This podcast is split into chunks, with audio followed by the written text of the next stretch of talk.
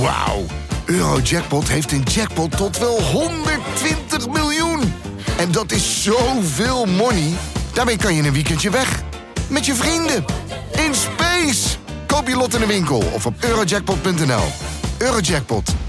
Een spel van Nederlandse Loterij. Speelbewust 18+. Plus. U stond letterlijk fysiek op een gegeven moment die avond. Ik Klopt. heb tot half vier s'nachts zitten kijken. Ja, en stond dat u was alleen. ontzettend zwaar. En ik kan me zo voorstellen, dan ga je naar huis. Dat er dan toch een moment moet zijn dat je denkt: wacht even. Als, als iedereen het op mij gericht heeft en iedereen wil dat ik wegga. ehm, ga je dan niet aan jezelf twijfelen? Ga je dan niet aan iemand vragen: wacht even, hou ik nou aan iets vast waar ik niet aan vast moet houden?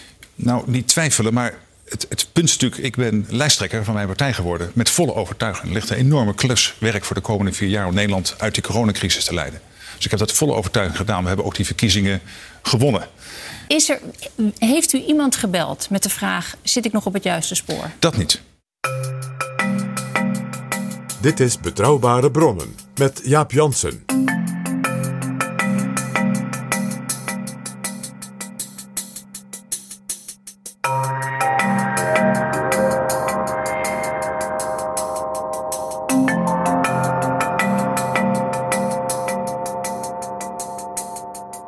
Hallo, welkom in Betrouwbare Bronnen, aflevering 193. En welkom ook PG. Dag Jaap. Informateur Mariette Hamer is bezig met haar inhoudelijke verkenning op weg naar de vorming van een coalitie die moet uitmonden in een nieuw kabinet. Het lijkt erop dat dit opnieuw een kabinet wordt onder leiding van VVD'er Mark Rutte. Dat is opmerkelijk, want veel Tweede Kamerleden twijfelen of hij daarvoor nog wel de juiste persoon op de juiste plaats is. Hoe lang blijf je houdbaar als politiek leider? En waar merk jij of je omgeving aan dat het misschien beter is om afscheid te nemen? Daar gaan we het over hebben in deze aflevering. Dit is Betrouwbare Bronnen. PG, op 17 maart waren er Tweede Kamerverkiezingen. De grootste partij werd de VVD van Mark Rutte. Maar kort na die Kamerverkiezingen was er een heleboel heisa rond het gedrag van Mark Rutte in de kabinetsformatie. Er is zelfs een motie van afkeuring aangenomen om hem dat eens flink in te peperen. Een motie van afkeuring van partijen met wie hij zelf heel graag weer verder wilde. Notabene. En er was ook een motie van wantrouwen tegen de premier, die niet is aangenomen, maar die ook zijn sporen achterlaat. En er is nog steeds veel twijfel over de toekomstige rol van Mark Rutte. Zeker over Mark Rutte als premier van weer een nieuw kabinet. Dat zou dan zijn vierde kabinet zijn.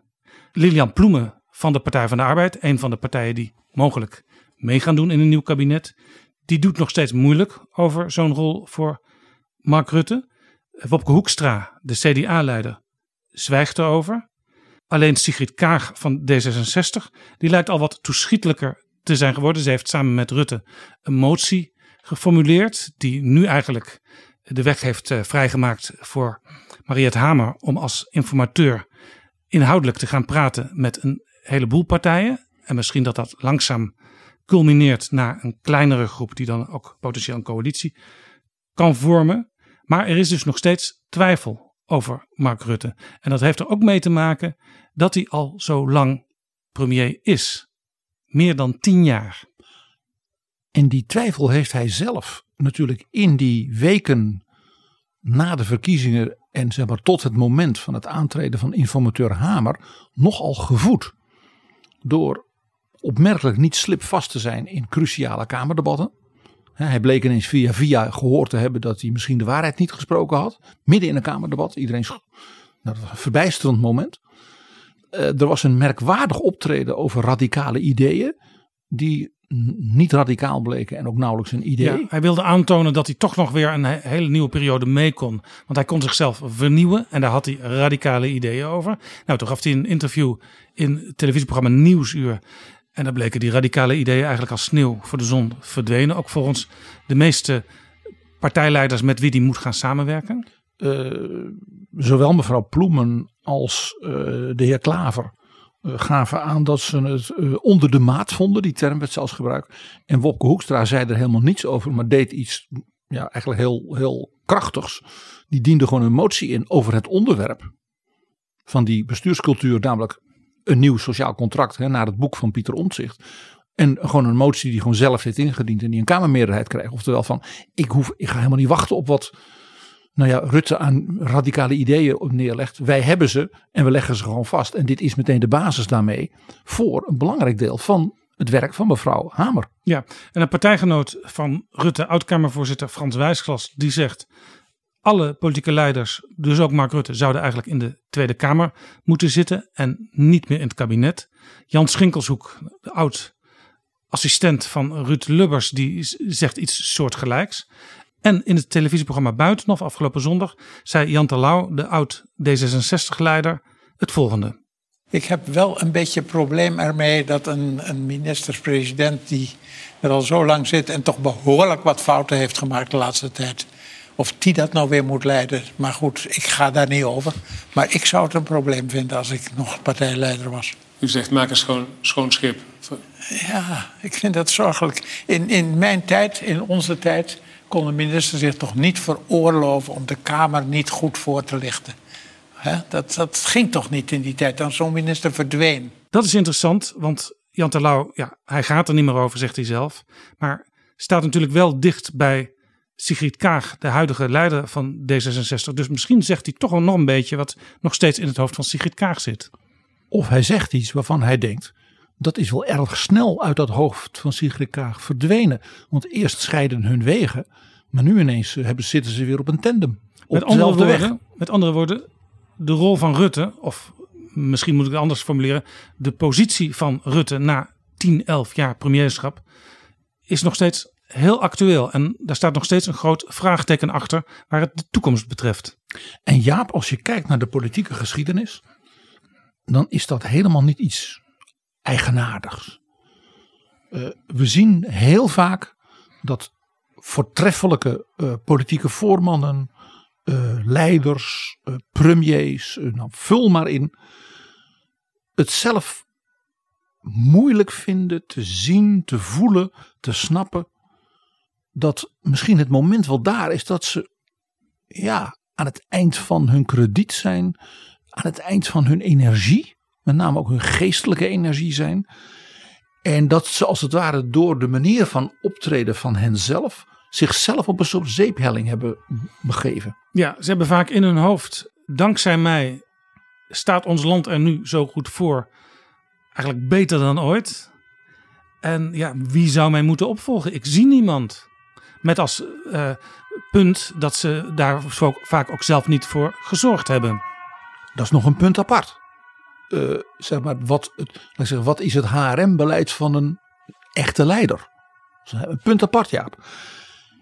Het is ook zo dat de omgeving van zulke mensen soms langzamerhand als het ware leeg raakt van lieden die hen in een eerdere fase, misschien zelfs een beetje vaderlijk of als vriend met wie ze samen opgekomen zijn in de politiek, nog wel eens krachtig konden toespreken, de waarheid konden zeggen, misschien zelfs wel een keer een, een pets geven van zeggen kalleman een beetje of uh, gedraag je, zonder dat dat dan meteen een grote crisis of zo was. Zo'n omgeving kan ook leeg raken. Zodat er eigenlijk niemand meer is die zegt ik durf dat gesprek wel eens te voeren. Of ik ga zo'n leider eens een keer een spiegel voorhouden. Ja, en soms zijn dat ook tegelijkertijd mensen die de rol van het leiderschap zouden kunnen overnemen als dat plotseling nodig zou zijn. Bijvoorbeeld Henk Kamp in de VVD is zo iemand en Edith Schippers in de VVD was ook zo iemand. Ja, in een zekere zin zag je Jan Terlouw dat ook nu net doen. Nou, ja, Hans van Mierlo is wel eens teruggekeerd in het leiderschap van D66 na een hele lange tijd afwezigheid. Wie weet dat Terlouw nog terugkomt als mevrouw Kaag met deze kabinetsformatie mislukt. Alles kan. Kijk nou even ook in de, zeg maar, de politieke historie van buurlanden. Helmut Kool. Hij kwam in onze serie over de Mauerval natuurlijk voortdurend aan de orde. Die heeft toen als kanselier Einheid niet het moment gevoeld, gezien, dat hij dacht: als ik nu het bijvoorbeeld overgeef aan Wolfgang Schäuble, die helemaal was klaargestoomd, eh, die tot de dag van vandaag natuurlijk een absolute toppoliticus in Europa is. Als ik het nu overdraag, dan ga ik met heel veel, zeg maar, wierook en standbeelden en dank en Nobelprijs voor de vrede misschien zelfs, want dat ging in die tijd, dat gerucht, naar nou, een boek schrijven en dergelijke. Nee, Helmoet Kool bleef. En hij bleef nog een keer. En in 98 wou hij weer kandidaat zijn en werd roemloos verslagen door Rood-Groen, een jong stel, Gerhard Schreuder, Joschka Fischer, die echt de nieuwe tijd belichaamde. En Kool ging ook door het gedoe daarna met, met, met giften en wat dan niet, vrij roemloos ten onder. Ja, het, het kan dus ook iets paradoxaals zijn. Hè? Want zo'n partij denkt, ja, met deze leider hebben we alle grote successen geboekt de laatste zoveel periode. Dus we kunnen, we kunnen hem gewoon niet kwijt. We kunnen niet zonder hem. Maar ja, je maakt daarmee wel de weg vrij vaak voor de tegenstanders om eh, het roer over te nemen. En vergeet niet dat in de maanden voor de val van de muur er een complete opstand in de CDU was geweest tegen de uitgeloogde Helmoet Kool, die geen energie meer bracht. Nou, al die dingen waar we het net over hadden. En die val van de muur gaf hem een soort ja, tweede jeugd, of hoe je het noemen wilde. Volstrekt terecht, want wat hij toen deed was natuurlijk historisch. Maar hij had dus niet gevoeld dat hij als het ware vrij snel daarna, als het ware met die roem en ook dat krediet van Kansen der Einheid verder had, een ander als het ware de, de weg had moeten laten wandelen. Heel interessant in dit verband, als je naar de Nederlandse situatie van de VVD nu kijkt. Ongeveer anderhalf jaar geleden had NRC Handelsblad een verhaal met allemaal eh, provinciale en eh, lokale uh, partijbaronnen. En die zeiden bijna allemaal, ja, het wordt langzamerhand wel tijd dat Rutte eens om zich heen gaat kijken wie hem zou kunnen opvolgen. Want uh, zijn positie is nu nog goed, maar ja, hoe lang blijft dat nog? En er treedt natuurlijk slijtage op. Het was zelfs zo dat een zeer fors aantal van die VVD-baronnen, bobo's, zeiden Klaas Dijkhoff staat klaar. Een beetje de Wolfgang Schäuble van de liberalen. En iets van nog 20, 22 procent zei nee, Rutte moet gewoon blijven. En iets van 30 procent zei ik weet het eigenlijk niet. Dat was geen votum van vertrouwen. En dat doet een beetje denken dus aan Kool in die zomer van 1989. Nou een tweede voorbeeld in diezelfde periode Jaap.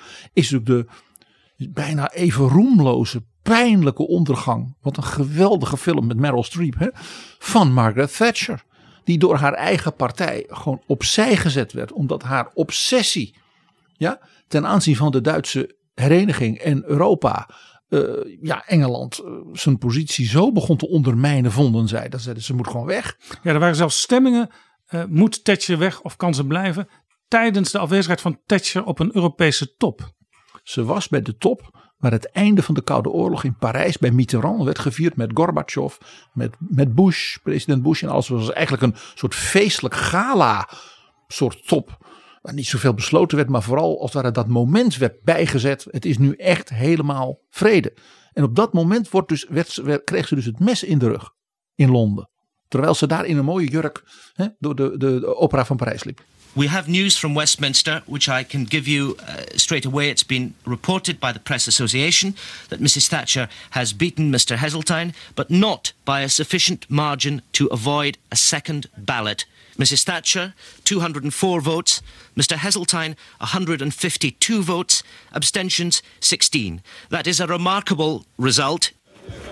In the courtyard of the British Embassy, a live broadcast was in progress. It was a few minutes after the result had been announced. Mrs. Thatcher wasn't expected for another half an hour. She emerged without warning.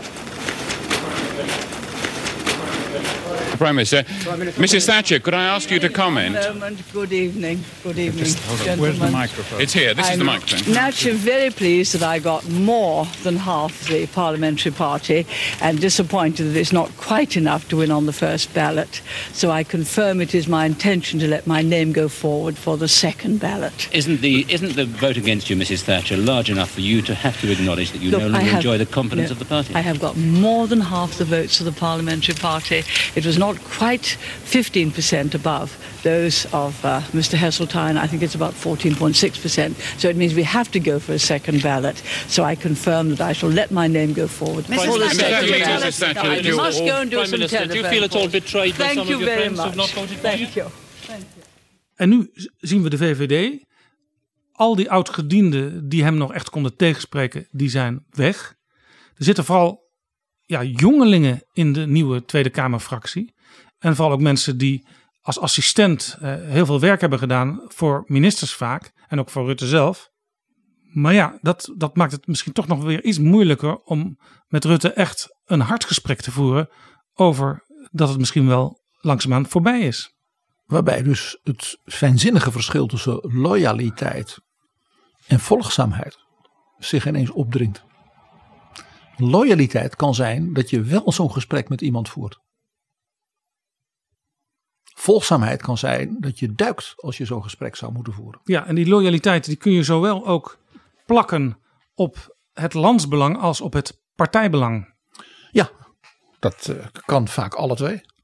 En in zekere zin vond ik, maar dat is meer vanuit het politieke klimaat ja, van, van deze tijd, zowel het boek van Omtzigt als dat die uitspraak van Kaag bij die motie van afkeuring.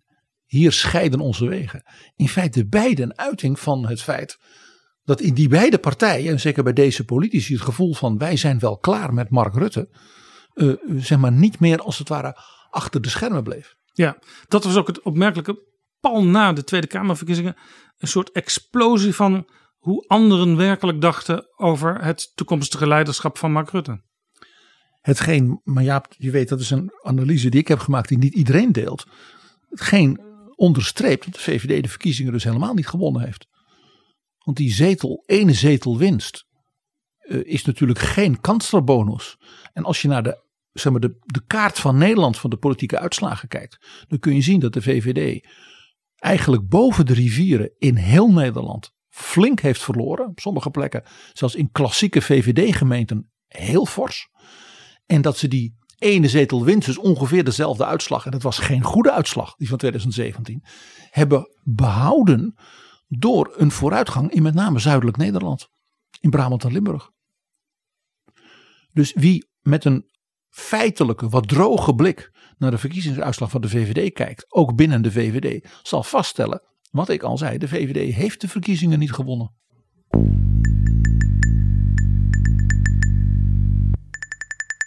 PG, wanneer kun je zien dat een politieke leider misschien wel langzaam naar de uitgang moet worden gedirigeerd? Het een is nog niet hetzelfde als het andere, Jaap. Ik ga de vraag dus gewoon herformuleren. Bijna Lubberiaans. En ook Lubbers is natuurlijk een voorbeeld van iemand bij wie dat zich voordeed. Het is meer de vraag, het soort slijtage van leiderschap dat het als het ware het leiderschap gaat ondermijnen, het gaat tegenwerken. Waar merk je dat aan? Want dan nog kan men besluiten zo'n leider te handhaven. Ook daar zullen we vanuit de historie een aantal voorbeelden van zien. Ik mag er één noemen die we ook uit ons gesprek eh, met Mannix Krop over Wim Kok eh, hadden. Dat was natuurlijk de tragiek van Joop den Uyl.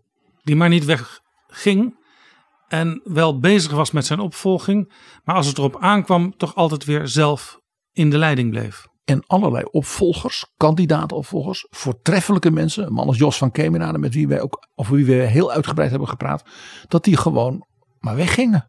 Marcel van Dam ook een voorbeeld, die, die vertrok naar de VARA, want ja, op het Binnenhof was er geen plek meer voor hem. André van der Lauw, die ook af en toe opkwam, was ook uit beeld verdwenen. Wim Duisenberg ging naar de bank. En daarna naar de Europese bank. Werd geen premier, werd geen PvdA-leider. Wim Kok kwam wel af en toe terug als naam. Dat was uiteindelijk ook de favoriet van de Nijl. Uiteindelijk. Ik heb drie, zeg maar, signalen vanuit de historie die je eigenlijk door de eeuwen, want dat is een heel interessant verschijnsel, wat we straks ook een beetje zullen aanstippen, wat je door de eeuwen ziet van die, wat ik noem die signalen van dus funeste slijtage. Ja. Het eerste is vereenzaming.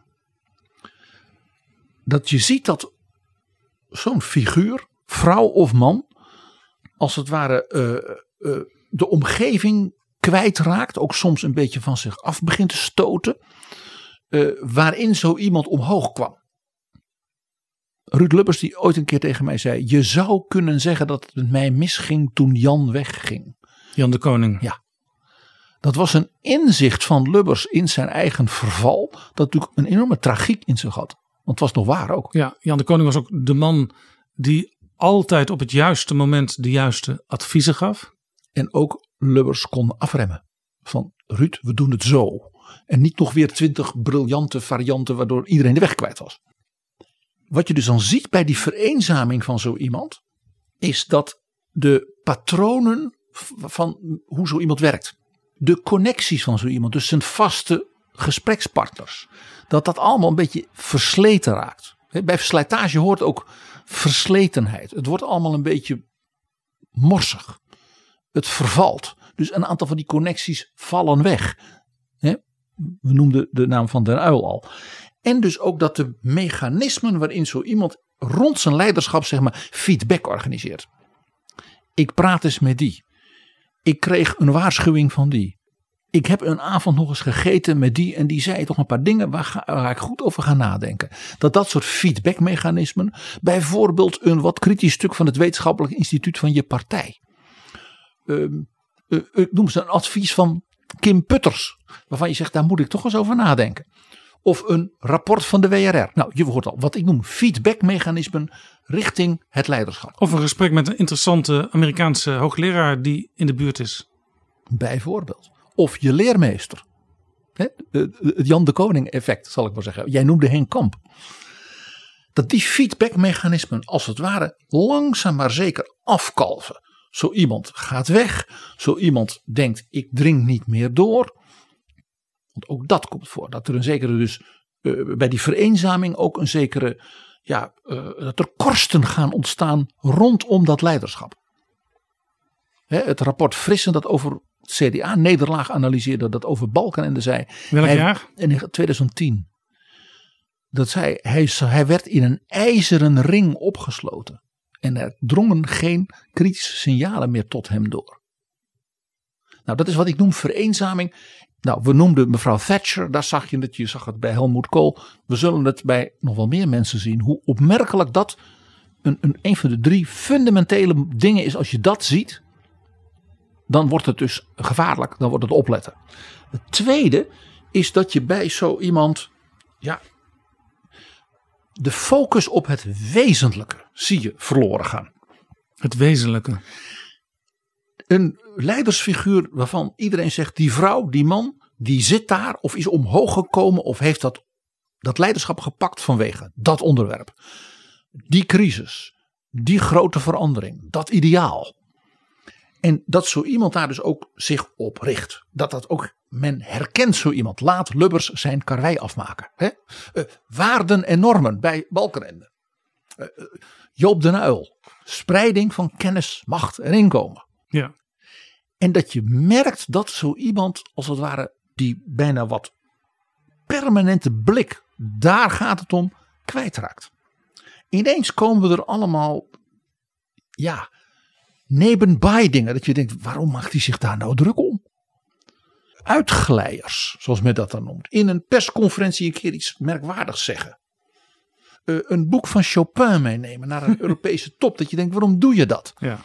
Slordigheidjes in debatten. Eh, irritatietjes in kamerdebatten. Dat je denkt van. Nou loopt hij zich zichtbaar op te vreten over iets dat je denkt. Is dat nou zo Daar belangrijk? gaat het over. Ja. We hebben het bij Ruud Lubbers wel eens gehad over de heer Ad Kaland. Die Zeeuwse CHU-man.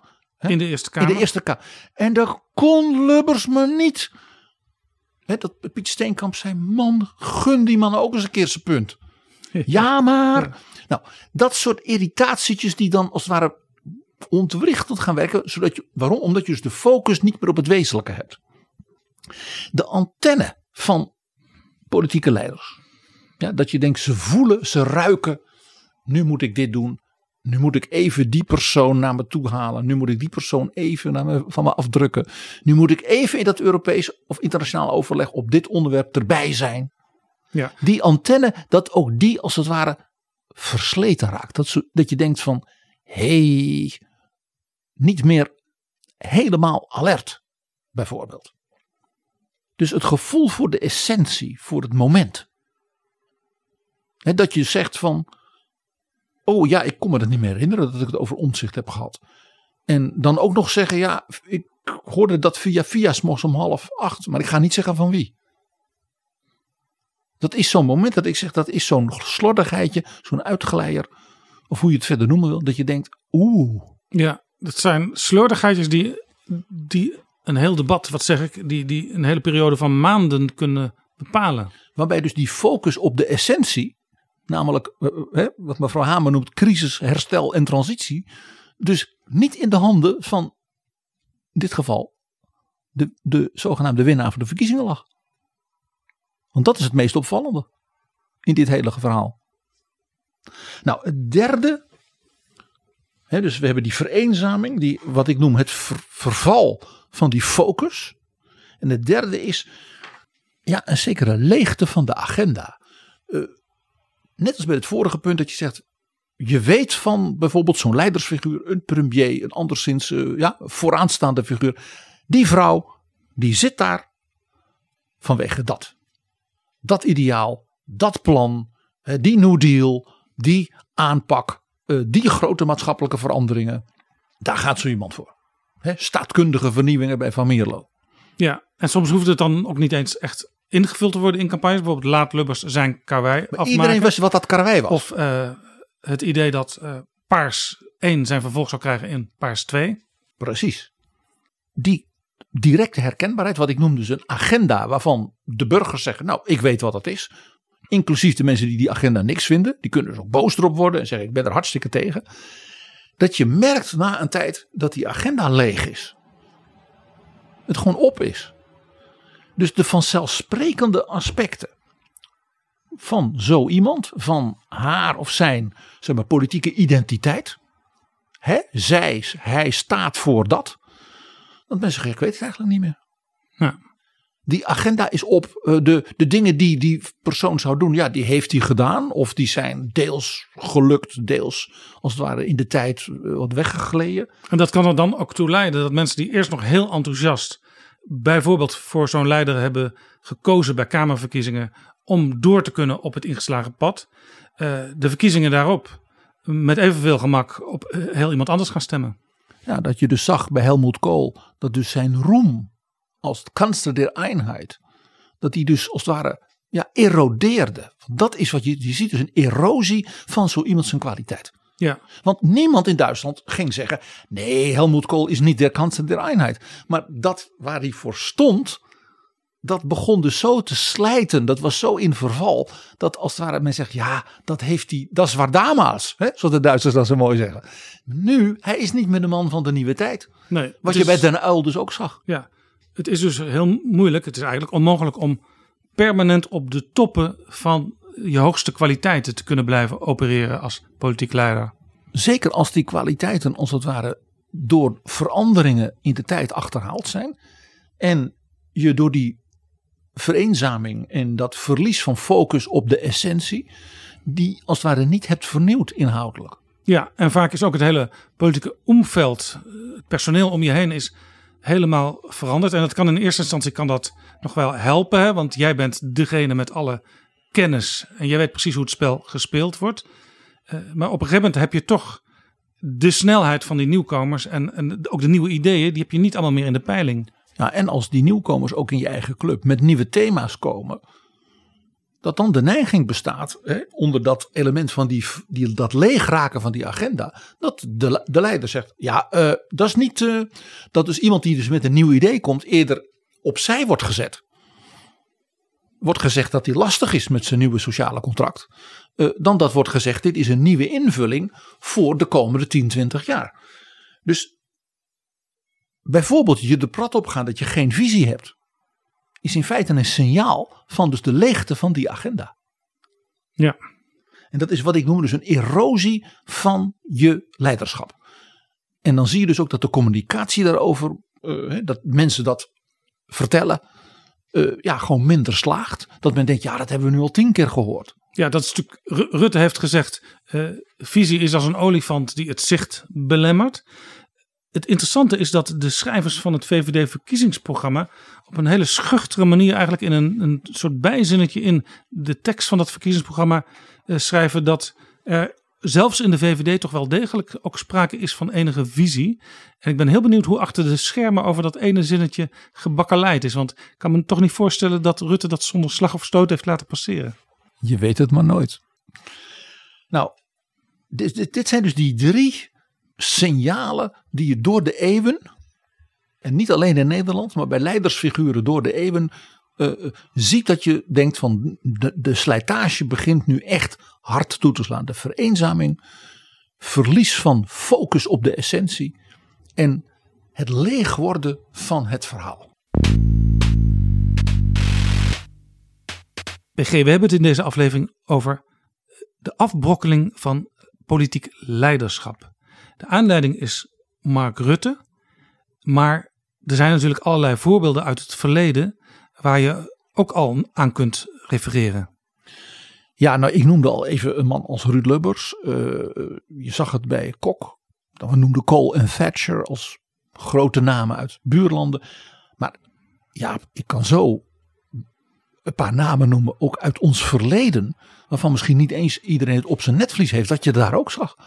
We hebben in Nederland iemand gehad die echt helemaal zelf regeerde. Bij wie al deze dingen zich voordeden. Koning Willem I. Dat was voor mijn tijd, maar ik ben benieuwd. Maar het Torbekke. Colijn. Dramatisch. Het allerlaatste kabinet van Colijn als signaal. Zelfs Drees. Daar weet niet iedereen dat van, denk ik. Hoe die zijn laatste kabinet en hoe dat uiteindelijk, ja, het verval van het leiderschap van Drees, hoe, ook hoeveel tragiek daarin zat. Ja, Den Uyl noemde je al, Balkenende noemde je al. Dat, Balkenende, eh, zeker Balkenende ook in dat opzicht, een hele interessante casus. Als je, als je nu kijkt naar dus die recente grote debatten over de kabinetsformatie en ook het optreden van uh, Rutte in Nieuwsuur, dan, ja, dan zie ik elementen van die drie grote zeg maar, slijtagesignalen zich toch heel duidelijk opdoemen. Ja, kun je bij Rutte eh, toch nog even iets dieper gaan? Uh, waar zie je het aan? Nou, dat nieuwsuurgesprek. Het hele verschijnsel als zodanig. De minister-president meldt. Nou, de, de leider van de VVD, zei hij zelf. Hè? Ja, en vervolgens zei mijn demissionair minister-president. Zelfs daar werd in het debat dus over gezeurd en ge gemekkerd. Dat zegt op zichzelf wel iets dat je het daarover hebt. Hij kwam met radicale ideeën. En dat ging hij doen in een televisieinterview. En dat was heel duidelijk een defensieve manoeuvre naar aanleiding van al die kritiek op zijn functioneren. Ja. Dus hij zei niet: ik kom met een krachtig, inhoudelijk, zeg maar, politiek initiatief voor de komende 10, 15 jaar voor ons land. Maar met een soort defensief verhaal van nee hoor, ik heb ook wel ideeën. Sterker nog, het zijn radicale ideeën. En daar gebruik ik de televisie voor. Dus dat deed meer denken aan een soort voortzetting van de verkiezingscampagne. Van nee hoor, jullie moeten echt op mij stemmen, want ik wil blijven. Ja, buiten. Dan een echte politieke voorzet voor consensus voor de nieuwe periode. Ja, want uh, hij had dus problemen gekregen in de Tweede Kamer met zijn collega uh, politieke leiders. En hij ging eigenlijk buiten de plek waar altijd het debat in de Kamer plaatsvindt, de plenaire zaal, uh, ging die vertellen hoe hij het anders wil gaan aanpakken. En het meest vermakelijk of ironische, beter gezegd, was dat hij zei: Ja, ik wil veel meer dat debat. Oh, en daarom ging hij er dus voor naar een ja, televisiestudio. En zelfs veel meer het debat in het midden, want we laten het te veel aan de flanken over. Ja, het was, het was heel paradoxaal allemaal. Ja. Nog een paradox hierin de VVD-leider die na de verkiezingen zegt: Ik kom met radicale ideeën van mezelf. Oh, dus niet van de VVD. Ze waren ook niet van het kabinet, hij zei dat als VVD-leider. Of de coalitie. Of een, het gevolg van bijvoorbeeld een diepgaand debat, ook met zo'n Venetië-commissie, over doen we het in Nederland nou goed met die bestuurscultuur? hebben we de zaak niet te veel dichtgetikt? Ja, en het was notabene ook na een verkiezingscampagne waarin hij bewust geen inhoudelijke ideeën wilde poneren. Hij wilde eigenlijk zeggen: ja, we gaan gewoon door op deze weg. We zijn een crisis aan het managen en dat duurt nog wel even. De uh, VVD kwam niet met posters. Stem Rutte radicale ideeën. Nee, het omgekeerde. Waarom stemt u op Rutte? Dat waren die spotjes. En hij vertelde hij, het is zo'n geweldige vent en hij pakt het toch zo goed aan. Wat vooral werd uitgestraald was, u stemt op Rutte, u hoeft zich niet zorgen te maken om de ideeën van de VVD of van Rutte zelf. En dat was dan ook een teken bij uitstek van een bestuurscultuur waaruit alle politiek was verdwenen. Zo zou je dat kunnen zeggen. Het was in elk geval niet radicaal qua ideeën. Uh, en het, de nadruk was op niet te veel visie. En vervolgens komt hij met: Ik heb zelf dat bedacht. Ja, dat, in die zin was dat wel terecht. Dat ik heb het zelf bedacht. Want het kwam niet uit zijn campagne, het kwam niet uit zijn partij. En het kon ook niet uit zijn coalitie of kabinet meer komen. Nee, en het komische was dat ehm, waar er dus na dat interview in Nieuwsuur heel veel kritiek was, eigenlijk vanuit alle partijen in de Tweede Kamer, eh, werd hij toegejuicht door zijn eigen partijgenoten uit de VVD-fractie. Die zeiden dat ze het een heel interessant interview vonden. Maar dat is misschien ook wel weer ernstig. Want waarschijnlijk hebben ze het daar voor het eerst allemaal gehoord. En niet in hun eigen fractie, waar je toch, zou ik zeggen, de ideeën van je eigen leider met die leider bespreekt. Nou ja, een interessante discussie, een interessante interview. Dat de, Amerikanen of de Britten zouden het faint praise noemen. Uh, vaag soort hulde. Want één ding, niets daarvan stond in het verkiezingsprogramma van de VVD. Waarmee de VVD en dus ook die Kamerleden van de VVD op de slippen van Mark Rutte die Kamer ingekomen waren. Dus het had ook iets heel merkwaardigs, uh, antiparlementairs. Terwijl men zei, we willen het debat weer meer voeren. Het, het, het, er zat een hoop ironie in. Ook nog natuurlijk dat er een element in zat, wat ik zelf heel opmerkelijk vond. Namelijk een signaal van die vereenzaming. Het was zelfreflectie. Ik ben zelf gaan nadenken over mijn eigen functioneren. Dat geeft al aan dat blijkbaar onvoldoende impulsen zijn van anderen. Sterker nog, Rutte benadrukte dat hij daar met anderen niet over gepraat had. Alsof dat een pluspunt was. Een aanbeveling. Nou ja, in dus zo'n sfeer van dat eerste grote signaal van slijtage, namelijk vereenzaming wel. Ja, ik vond het ook best wel een beetje een gesprek uh, wat mensen wel eens voeren op hun werk als ze al een tijd ergens werken. En dan van, ja, wat vind je er eigenlijk zelf van hoe het gaat? En uh, we hadden een paar jaar geleden dit en dat afgesproken. Heb je dat inmiddels gedaan? Moeten daar dingen aan veranderen? Dus zo'n intern HR-gesprek wat, wat je wel eens hebt. En dan worden er weer wat vinkjes gezet. En dan worden er weer wat afspraken naar de toekomst toegemaakt. Maar vooral, men houdt het graag een beetje vaag. Ja, nou, ook zo'n punt. Wat was het meest opvallende van de inhoud van het gesprek? Was dat Rutte, en ik vind dat hij daar volstrekt terecht ook helemaal recht op heeft, enorm benadrukt dat hij trots is op zijn tien jaar als premier. Ik vind, wat je er verder inhoudelijk van vinden mag, een minister-president als Rutte, dat gold ook voor een man als Balkenende, zeker ook voor een Kok en zeker voor Lubbers, die mag na zoveel jaar zeggen: Ik ben trots op wat we hebben geprobeerd te realiseren. Lang niet alles zal gelukt zijn, maar we hebben er het beste gegeven. En uh, grote crisis, nou, hij, hij, wees op een aantal grote dingen. Uh, ook bijvoorbeeld uh, terecht dat hij wees op bijvoorbeeld MH17 als iets wat Nederland hè, geopolitiek in de meest vreselijke manier overkomt. Hoe je dan als minister-president er toch maar moet staan, ja. ook internationaal. Maar dat zal ook niemand ontkennen. Hè? Sterker nog, dat is ook een aantal keren bewezen dat mensen hem daarvoor gewaardeerd hebben door hem de grootste partij te maken. En ook zijn zeer goede reputatie bij de collega's in Europa en internationaal. He, er is dus ook niet veel twijfel in dat opzicht. Dus het feit dat je het nodig vindt om te roepen: Ik ben zo trots op die tien jaar. Terwijl je eigenlijk van tevoren had gezegd: Ik kom met nieuwe radicale ideeën. Dan geeft dat dus ook aan dat die nieuwe radicale ideeën er niet zijn. Uh, het was dus niet een verhaal van: We staan nu in een hele nieuwe crisis. We zullen dus als land samen moeten optrekken naar hele nieuwe actuele uitdagingen. Daar weten we nog niet alle antwoorden op. Dat zullen we dus samen moeten doen. Dat hoorde je niet. Nee. Het meest opvallende was uh, wat herhalingsoefeningen van ja, ik heb het toch tien jaar goed gedaan. Ongetwijfeld. En die prachtige nostalgie naar de tijd van Joop den Uyl. Ja. Waarbij hij ook nog Nieuwsuur vertelde dat het vraaggesprek met de, met de president om vijf uur dus voortaan niet meer door zou gaan. Dat is natuurlijk naar een, een programma dat voor een deel bestaat uh, dankzij uh, hè, dat gesprek natuurlijk niet heel erg aardig. Nee, nee. nee het, was, het was heel merkwaardig. Ik had een beetje het idee, uh, Rutte heeft eigenlijk alle soorten van coalities al zo'n beetje gehad. Hè. Het begon met de gedoogcoalitie van VVD en CDA met de PVV. Toen kwam er een combinatie van VVD met de Partij van de Arbeid. Die dan weer de Refo's en D66 als de constructieve drie erbij moest halen, want anders hadden ze geen meerderheid meer. En toen kwam de Rutte 3 met het CDA opnieuw erin. En nu in combinatie met D66, die weer combineerde met de ChristenUnie, wat eigenlijk een onmogelijke combinatie op zichzelf is. En toen dacht ik van ja. Nou, dat bleek prima te gaan, Jaap. Zo, zo, zo- Segers heeft verteld dat de ontdekking van de samenwerking met D66, met Rob Jetten, een van de leukste dingen van deze coalitie was. Toen dacht ik, het- enige kabinet wat hij eigenlijk nog niet heeft geleid is een eh, Den Uyl-achtig eh, kabinet.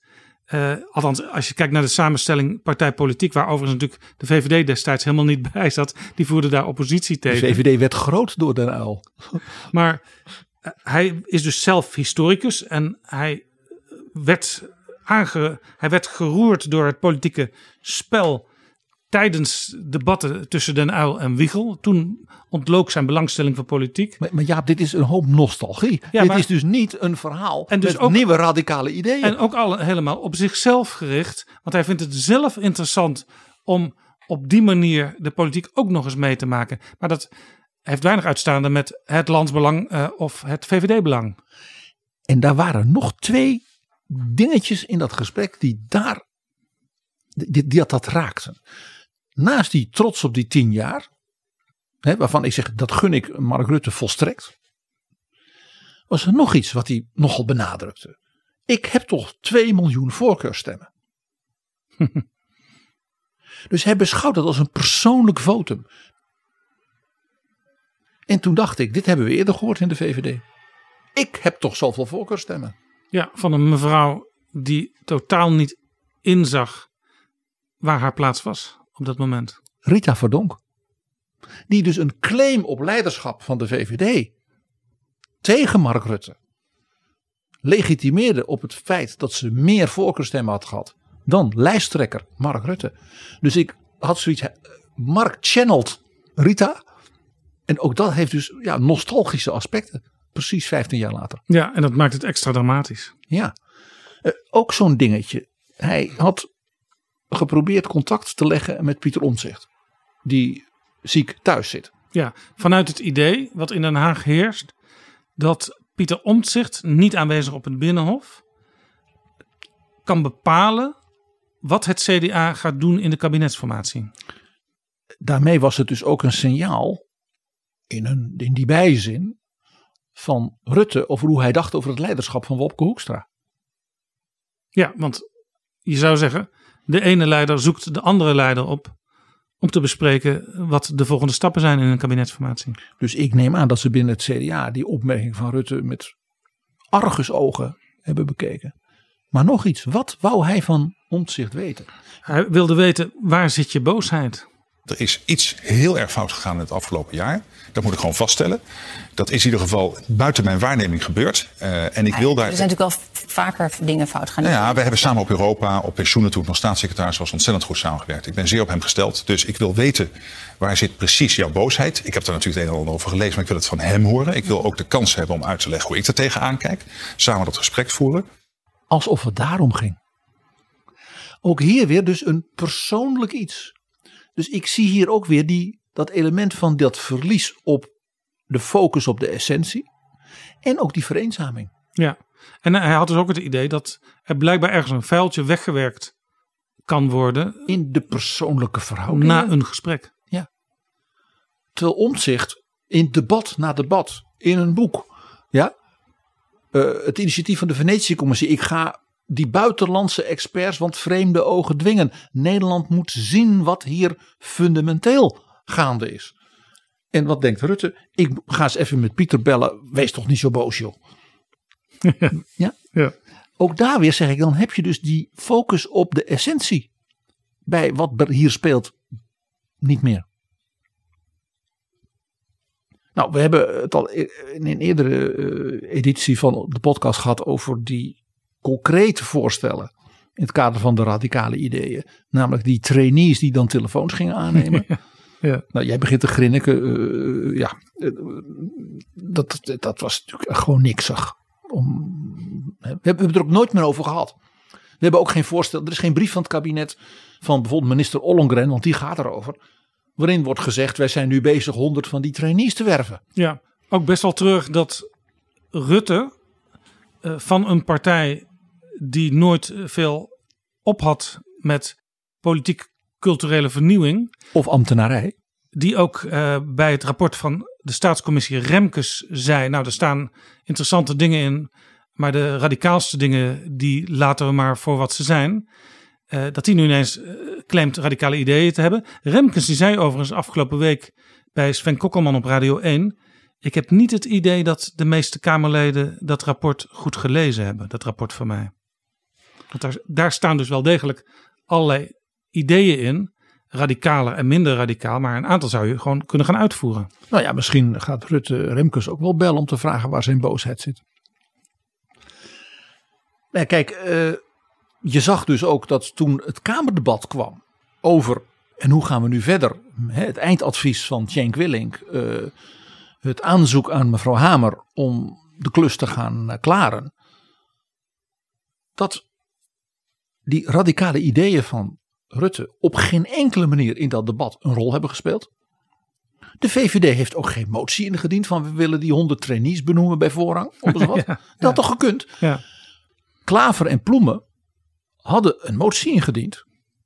Met eigenlijk een aantal soort sociale correcties. Denk even aan de sociale advocatuur en dergelijke. Rondom de rechtsstaat. En de, ja, de, de, de rechtsbescherming van burgers ook. En wat doet Rutte? Die zegt, ik ben het daar volstrekt mee eens. Die ging dus die motie, die de Kamer al had aangenomen, enorm prijzen. Maar dat waren dus niet zijn radicale ideeën. Bovendien, dat waren dingen waar de VVD ook in zijn verkiezingsprogramma vooral duidelijk had gemaakt dat ze dat niet wilden. Minister Dekker, die erover ging, had zelfs aangegeven: daar heb ik het geld niet voor. Ja, en zelfs rondom dat debat herhaalde Dekker dat nog. Ja, in dat debat kwam Wopke Hoekstra, ik verwees er hier vooral naar, met een motie die in feite een soort executive summary van het boek van Omtzigt was. Van Voor een, nieuw sociaal contract. En de VVD heeft gewoon voor die motie gestemd. En ja, en ja Jaap, vanuit zeg maar parlementaire zeden en tactiek heeft Hoekstra hiermee het onderwerp in feite afgepakt van, hè, dus die, van de radicale ideeën van Mark Rutte. Ja, het is dus eigenlijk heel ernstig. Eén, je zegt ik heb radicale ideeën, die blijk je niet te hebben. En twee, je neemt zonder slag of stoot alle ideeën van anderen over waar je je in het recente verleden nog tegen hebt verzet. Ja. Waarbij je dus hen laat invullen uh, wat er in dat hoofdlijnenakkoord van het regeerakkoord gaat, gaat komen. Want mevrouw Hamer gaat natuurlijk die motie Klaver-Bloemen en die motie uh, Hoekstra van het boek van Omzicht natuurlijk uh, in zijn geheel vertalen in die hoofdlijnen voor een akkoord. En dat maakt de geloofwaardigheid van Mark Rutte er niet groter op. Want in feite kunnen anderen iemand die geen eigenschappen heeft, van eigenschappen voorzien, van nieuwe eigenschappen voorzien. Dat is dus dat derde punt, wat, wat ik zei van, van die grote signalen van, van slijtage. Dat is dus het leeg zijn van de agenda. En dat Rutte toen ook nog zei in dat Kamerdebat. Ja, maar ik uh, ga uh, me stevig opstellen. We moeten natuurlijk er samen uitkomen, maar ik ga met het mes in de tanden onderhandelen. Het feit dat je dat als aanvoerder van de grootste partij in de Kamer. En zolang zittende premier. Als een soort dreigement. Ja, iedereen weet dat hij kan onderhandelen. Dat weet iedereen. Ja, maar ook dat zeg je nadat je dus die thema's waar we het net over hadden. in feite hebt weggegeven. Ja. Nou, dan een ding waar ik het even eerder over had. Die merkwaardige. wat ik maar noem uitglijertjes, irritatietjes, dingetjes. Dat je zegt van. Heeft deze leidersfiguur nog greep op de essentie, die focus. Heel, Ruud Lubbers met uh, Ad Kaland in de Eerste Kamer als voorbeeld. Mag ik eens een voorbeeld geven nu? Mark Rutte en Sylvana Simons. Dat is nu al iets dat je denkt, hé, hey, daar gebeurt iets. Ja, heel interessant, want Sylvana Simons, dat is eigenlijk een nieuw Kamerlid dat heel veel mensen heel erg meevalt. Uh, mensen die dachten van ja, dat is een Radikalinski uh, die komt vertellen hoe anderen het moeten doen. En een mevrouw uit de, de, de VJ-wereld, een beetje de, de, de popmuziek en zo. Dat zal niet veel voorstellen. Maar Ze blijkt, heeft maar één zetel ook ja, in die Kamer, dus ach. Maar zij blijkt hele essentiële interventies te hebben in het Kamerdebat. En Rutte wordt blijkbaar een beetje uh, ja, jeukerig daarvan. Rutte projecteert dus wat ik noem die irritatietjes op mevrouw Simons.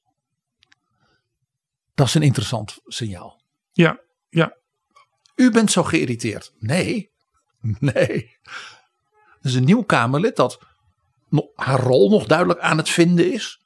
Zij doet dat door te denken: ik ga vooral proberen puntige vragen te stellen. In plaats van wat andere Kamerleden doen, hele betogen aan de interruptiemicrofoon houden die nooit eindigen in een vraag. Nee.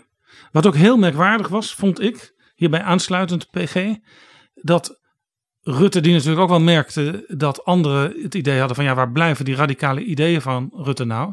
Op een gegeven moment, een beetje tegen het slot van het debat, aan allerlei kleine fracties, voor- voornamelijk zelfs eenmansfracties, eh, ging vragen, eh, ja, waar zijn uw radicale ideeën? Eh, Dat was heel raar. De, de minister-president, de leider van de grootste fractie, 34 zetels, ging aan de allerkleinste fracties vragen: waar zijn jullie radicale ideeën? Ja. En dat was, in, in een soort verwijtende interrupties ook, ook nog. maar ook dat was dus weer projectie, net als die irritaties. Die irritaties zaten bij hem. Het gebrek aan die radicale ideeën, dat was namelijk het meest opvallende in dat debat, die zaten bij hem. En het was geloof ik ook mevrouw Simons, die toen ze dus die vraag van Rutte kreeg, met die ookzelfde wat, wat snijdende, onaangename toon, die dus blijkbaar tussen hen erin sluipt, dat zei, u wilt radicale ideeën, dan geef ik u radicale ideeën. En toen deed zij, en dat is natuurlijk politiek gezien heel behendig, toen las zij gewoon de vier, vijf eh, meest niet VVD-achtige eh, hervormingsvoorstellen die zij in haar verkiezingsprogramma van bijeen had staan, die las ze voor. En omdat de heer Rutte haar met die interruptie hiertoe had uitgenodigd, kon Kamervoorzitter mevrouw Bergkamp haar alleen maar toestaan als ware haar verkiezingsprogramma voor te lezen. Ja, want een interruptie leidt vaak tot meer spreektijd. En, en zeker als het natuurlijk de interruptie is van iemand als Mark Rutte. Hè, die daar toch ook als de fractieleider van de grootste club dan staat. Dan, dan is het terecht dat de Kamervoorzitter zegt. Gaat u daar even uitge- uitgebreid inhoudelijk op in? Dat is voor natuurlijk mevrouw Simons. Hè, die in haar eentje eh, eh, hè, een fractie vormt. Natuurlijk prachtig, want die krijgt dan spreektijd. En vooral heel veel inhoudelijke aandacht. Want het is de heer Rutte die zegt: Heb u dan wel ideeën? Nou, dan kom ik. Welke analyse eh, maakt mevrouw Simons? Wat zijn de ideeën van haar partij ten aanzien van macht en tegenmacht, eh, bestuurscultuur, het vraagstuk ook van de burger en de overheid, eh, het functioneren van de Kamer als instituut, de relatie tussen Kamer en kabinet? Er moet toch meer zijn dan het belangrijk maken van Rutte en dan zeggen hij moet weg. Er is misschien toch nog een wat diepere analyse te maken met ook de bijbehorende voorstellen. Mevrouw Simons. Voorzitter, ik heb zojuist aan de heer Rutte staan vertellen wat het antwoord op die vraag is. Eh, het is natuurlijk eh, sympathiek, of het kan sympathiek lijken door te stellen dat het Kamerleden zijn die de heer Rutte belangrijk maken. Maar het is vooral de heer Rutte die zichzelf wederom belangrijk maakt. Want breken met deze cultuur, ik zei het al eerder, is breken met een ideologie waarvan u het boegbeeld bent geworden. Ik geloof niet dat u of de uwen, de democratie, de cultuur en de rechtsstaat hier kunnen herstellen. U vraagt mij naar concrete ideeën. Nou, ik kom, ik kom daar zo op, voorzitter. Maar ik wil eerst toch nog even zeggen dat het liberale wanbeleid gevoerd onder uw leiding, meneer Rutte, kan het daglicht niet verdragen. Afgelopen maandag zat ik in één ruimte met slechts een heel klein deel van de toeslagenouders. En de meeste mensen kennen mij niet als overemotioneel. U denkt daar anders over. U vindt al snel dat ik geïrriteerd ben. Maar ik heb zitten huilen in die zaal. Ik kan met heel mijn hart niet bevatten wat deze ouders is aangedaan. En hoe er mensen kunnen zijn die denken dat ze na dat debakel nog recht hebben om leiding te geven aan een organisatie die verantwoordelijk is voor dat leed. Dat gezegd hebbende vraagt u naar concrete ideeën. Wat denkt u van een constitutioneel hof?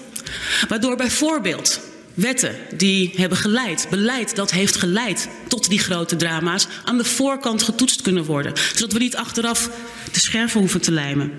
Wat denkt u van het idee om mensenrechtenverdragen leidend te laten zijn en in, Nederland, uh, in het Nederlandse recht ook werking te laten krijgen? Wat denkt u van het idee om klokkenluiders beter te beschermen? Of wat denkt u van het simpele idee om eens te luisteren als de ombudsman met een rapport komt? Wat denkt u van doorzettingsmacht voor een organisatie als de ombudsman? Ik heb nog wel meer ideeën en ik durf ze zelf absoluut radicaal te noemen.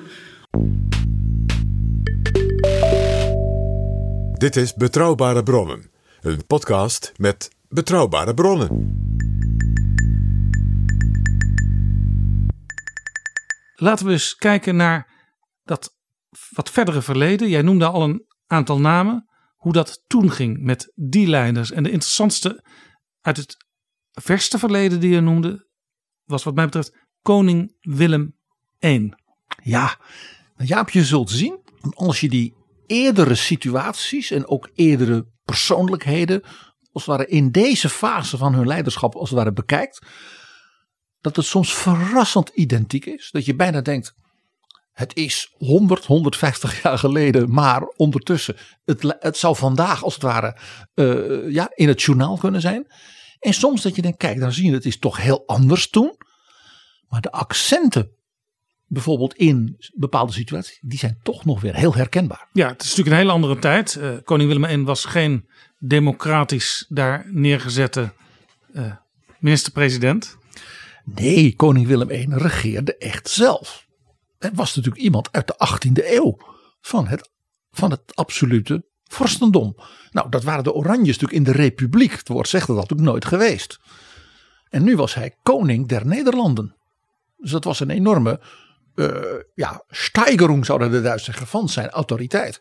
En ja, zijn, uh, zijn zoon was getrouwd met de zus van de tsaar. He, de, laat zeggen, die wat Romanov-kant van de Oranjes, die begon toen. Hij ging zelf regeren als de tsaar der Nederlanden.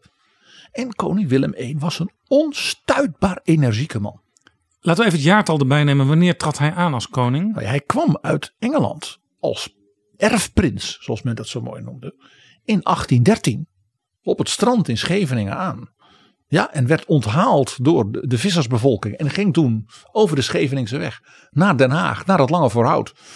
En kwam onder andere bij de heer Gijsbert Karel van Hogendorp, die in feite een soort interim bewind aan het maken was met een aantal andere liberaal denkende heren, nu de Fransen weg waren. Nou, 1813, uh, hè, Oranje is weer terug, hè, zoals dat heette. 1814, 1815, hè, Napoleon probeert het nog een keer. En ja, de, de machten zeiden in Europa, hè, op het congres in Wenen. Ja, die Nederlanden, die republiek moet maar dat oude Oostenrijkse deel, wat wij nu België noemen, en Luxemburg er maar bij hebben. Dan staat er een flink, groot, stevig blok aan die noordkant van Frankrijk. Pruisen, hè, dat heel Rijnland kreeg. Dan heb je dus aan de oostkant van Frankrijk ook zo'n heel stevig blok. Want dat houdt die Fransen en hun ambities misschien een beetje in de touwen. Maar jij zegt, hij regeerde zelf. Er was natuurlijk wel onder invloed van Napoleon en ook uh, met de Bataafse Republiek. waren er wel allerlei democratische elementen ook in het Nederlandse systeem gekomen. Ja, en zeker de Belgische, de zuidelijke Nederlanden. Uh, hechten zeer aan een zeg maar, moderner, liberaler bewind. Dus wat je kreeg was een, een, zeg maar een parlementair stelsel. Hè, met een tweede en een eerste kamer. En, en alles erop en dran. En ministers. Maar de koning regeerde en het was heel duidelijk vanaf het begin dat hij zijn ministers echt als minister beschouwde, namelijk als dienaren. Dat waren loopjongens. Koning Willem I zat in Paleis Noordeinde en werkte 13, 14 uur per dag. Alle regeringsstukken. En hij herschreef ze. En hij uh, maakte brieven voor ministers. En dus hij keurde wetten, af. Dus die wetten waar nog steeds onder elke wet de handtekening, de signatuur van de koning staat. Dat waren toen echt zijn wetten. Dat de koning in Nederland nog altijd die rol heeft. Is natuurlijk in feite een, zeg maar, een soort concessie van Thorbecke geweest aan de traditie Ja. van koning Willem I. 30 jaar nadat koning Willem I aantrad, maakte Thorbecke natuurlijk zijn nieuwe moderne grondwet van 1848. Ja, en de zoon van Willem I was toen koning. En hè, die was getrouwd met de tsarina. En, en, dus hij liet hem de eer, zal ik maar zeggen, formeel van dat die wetten zijn wetten waren. Maar dat was natuurlijk ook omdat koning Willem I echt zo geregeerd had. Dus men wilde die traditie niet zeg maar, ruw en bruut afbreken. Dat was al te grof. Eh, Maar dat gaf dus aan dat hoezeer koning Willem I dus echt zo geregeerd had. Geïnspireerd aan de ene kant dus door de structuur die hij in feite had kunnen overnemen van Napoleon. En vooral ook van diens broer Lodewijk als koning van Holland. Ja. En natuurlijk ook ja, de, zeg maar, het, eh, de reactionaire vorsten die dus na de Franse revolutie in Europa met de restauratie hè, de macht weer grepen. De koning van Pruisen en zeker natuurlijk ook zijn familie in Sint-Petersburg.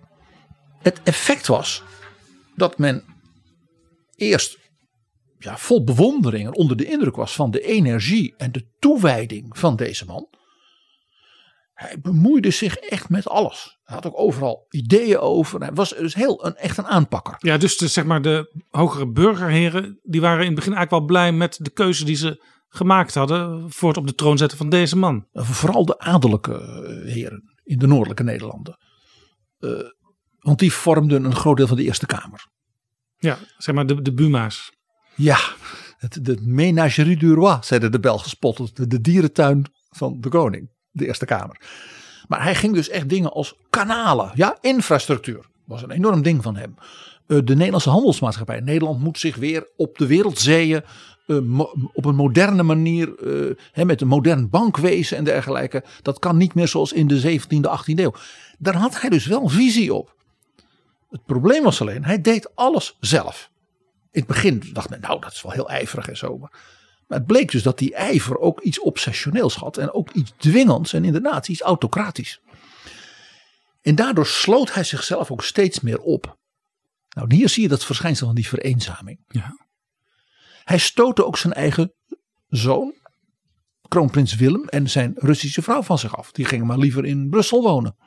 Hij stootte natuurlijk zelfs van Hogendorp, dus de man die als het ware he, die uh, revolutie had gedaan.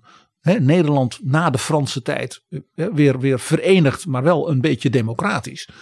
Uh, die van Hogendorp, die, nou ja, die werd bedankt en eigenlijk afgedankt door de koning voor ja, zijn goede ja, diensten. Ja, dus zelfs zijn, ja, dus zijn privéomgeving vervreemde die van zichzelf en zijn werkomgeving vervreemde die.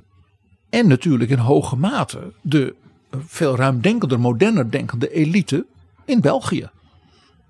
Die werden door hem geschoffeerd. Je bekent het verhaal dat hij dus een grondwet via een soort referendum, heel modern dus, hè, liet kiezen door wel de notabelen. En dat hij toen de stemmen in België gewoon anders heeft geteld dan eerder had gedacht. De mensen die niet hadden gestemd, was dan een vrij hoge uh, no-show geweest in België. Omdat men niet tegen wilde stemmen, want dat vond men dan onbeleefd, dus dan bleef men weg. Toen heeft hij die tegenstemmen, nou die heeft hij moeten stemmen. En de ja-stemmen, die waren niet in de meerderheid. Toen heeft hij dus de abstenties, zoals dat heet, heeft hij als, dan hebben ze ingestemd. Ja, ja, maar, hij, hij maar was de Belgen dus zeiden, die noemden ja. dat vanaf dat moment de arithmetiek Hollandaise, de Hollandse rekenkunde. Ja. Men geloofde hem dus niet meer als integer vorst. Nee. Daardoor. Hij was dus moderniserend koning, maar zo modern als de Belgen het wilden met industrialisatie en zo. Op die manier wilde hij het niet en sterker nog, uh, hoe hij het wilde, zo moest het ook echt worden uitgevoerd. Ja, hij was dus zeker voor modernisering, maar op zijn manier en onder zijn gezag en met zijn uh, plannen. En als er dus Belgische ondernemers waren hè, in, de, in de kolen en staal en al die modernisering, dan vond hij dat prachtig. Maar ze moesten het wel doen zoals hij dat wilde. Ja, dat werkt natuurlijk niet. En ja, Nederland was natuurlijk en is natuurlijk geen Rusland.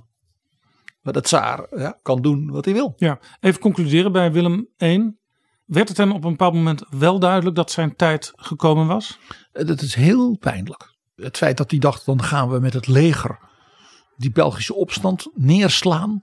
Ja, hij vervreemde daardoor dus ook, alle bondgenoten.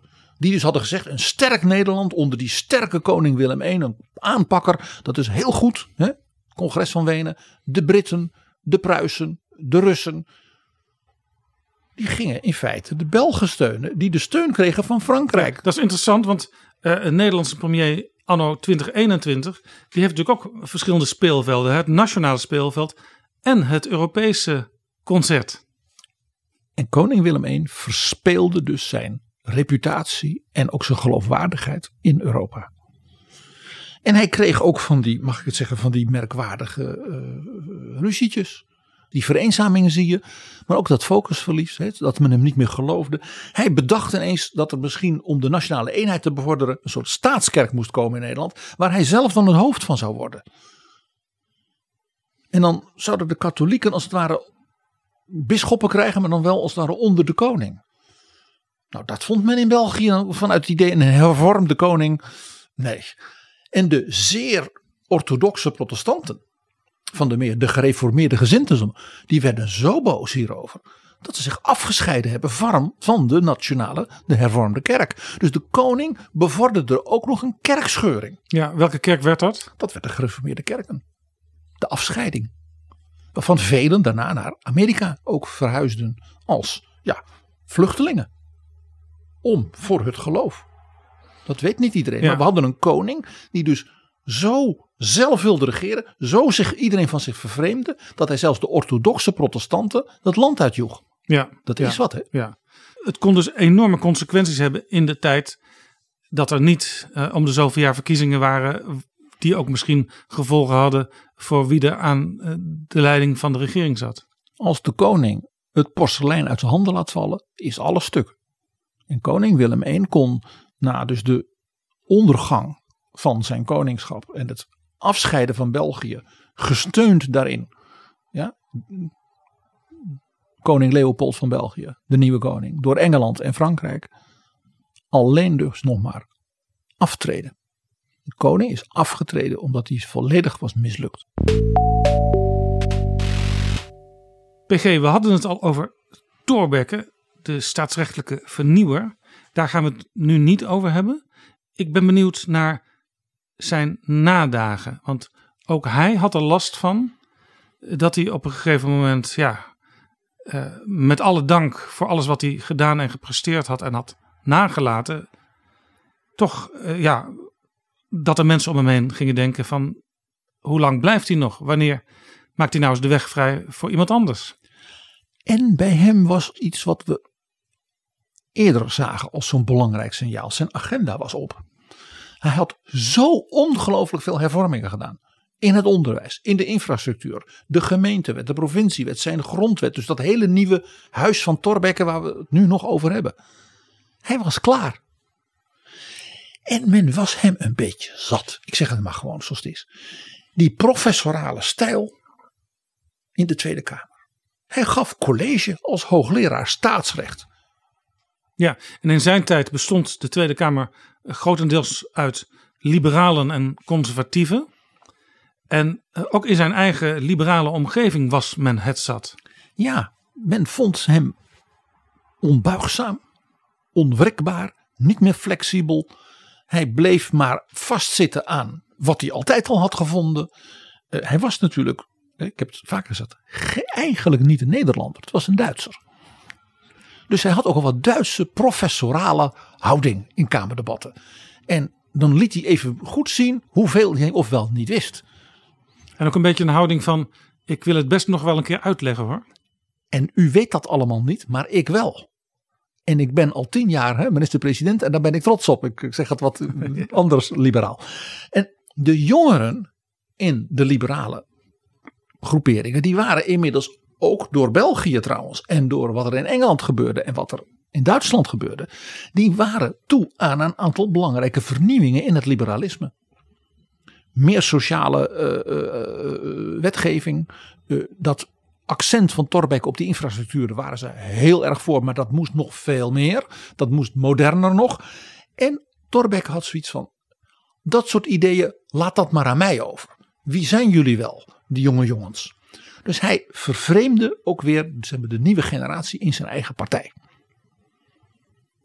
En ja, dat leidde uiteindelijk dat zijn laatste kabinet uh, ja, in zekere zin uit elkaar viel. Hij dus de greep kwijtraakte, helemaal, hè, vereenzaming en alles.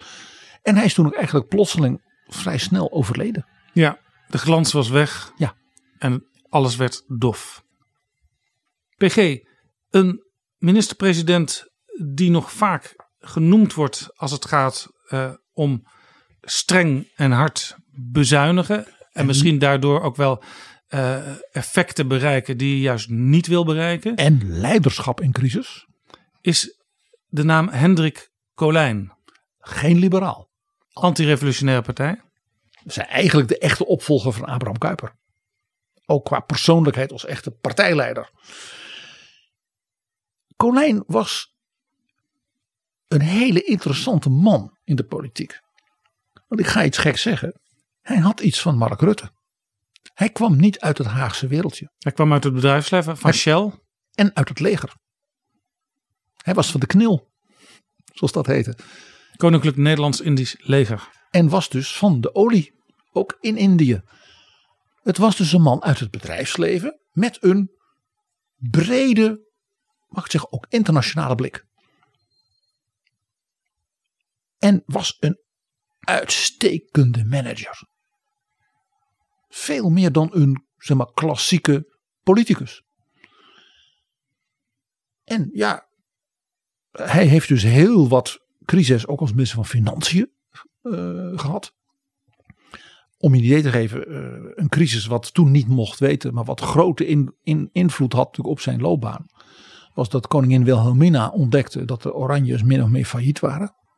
Door het slechte financiële beheer natuurlijk van haar voorvaderen. En natuurlijk ook van haar man, van prins Hendrik. En het is Colijn geweest, die dus de, zeg maar, de, ja, de financiën van het Oranjehuis heeft gesaneerd. Waardoor ze, zo het heet, zo rijk ook zijn geworden. Ja, en Colijn heeft ook, uh, net als veel van zijn opvolgers, in uh, verschillende combinaties gefunctioneerd. Hij heeft natuurlijk een, zeg maar, in de historie een, een soort conservatief stempel op zich gekregen. Maar hij werkte bijvoorbeeld ook samen met de vrijzinnige democraten. In zekere zin de voorgangers van wat nu D66 is. Colijn had heel veel dingen die helemaal niet zeg maar, klassiek conservatief waren. Daarvoor was hij te veel uit het internationale bedrijfsleven. Uh, je zag dus ook dat toen het politiek meer werd dan alleen de economische crisis. Dat Colijn toen in de problemen kwam. Want Colijn had geen echt politiek antwoord op de polarisatie en de radicalisering in het Europa van de jaren 30 de beroemde gaat u maar rustig slapen uh, radioreden. Dat was niet het antwoord. Geachte luisteraars. Uit de uitvoerige berichten en beschouwingen. De laatste dagen in onze dagbladen verschenen. Heeft ook het Nederlandse volk kunnen vernemen dat de politieke spanningen in Europa weer groter zijn geworden. Daarom maan ik nog eens aan om zich niet te laten verontrusten. Ik verzoek de luisteraars dan ook om wanneer ze straks hun legersteden opzoeken, even rustig te gaan slapen als ze dat ook andere nachten doen.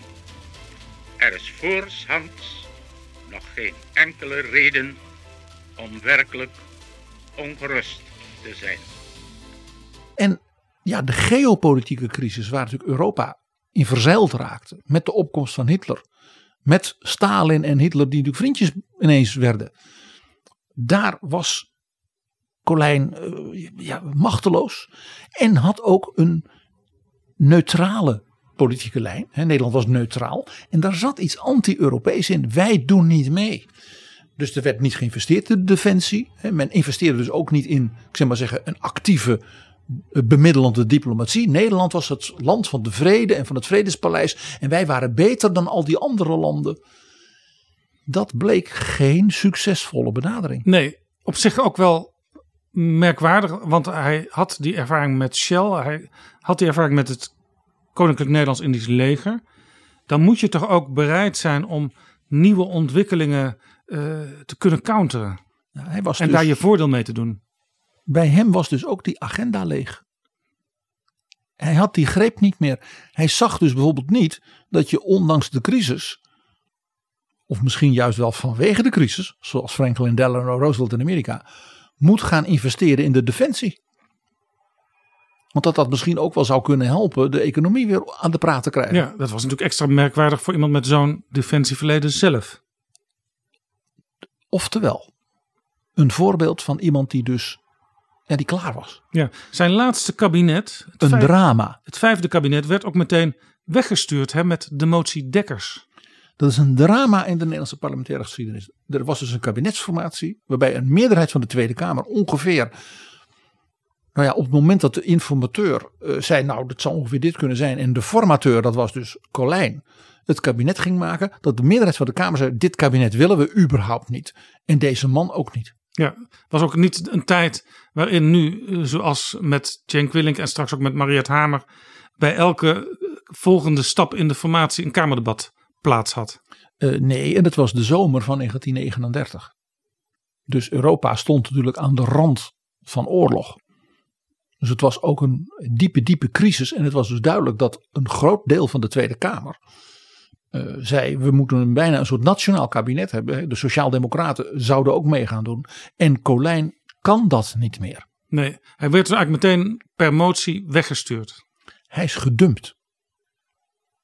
En dat is voor iemand die met zijn naam en reputatie en ook zijn persoonlijkheid buitengewoon pijnlijk.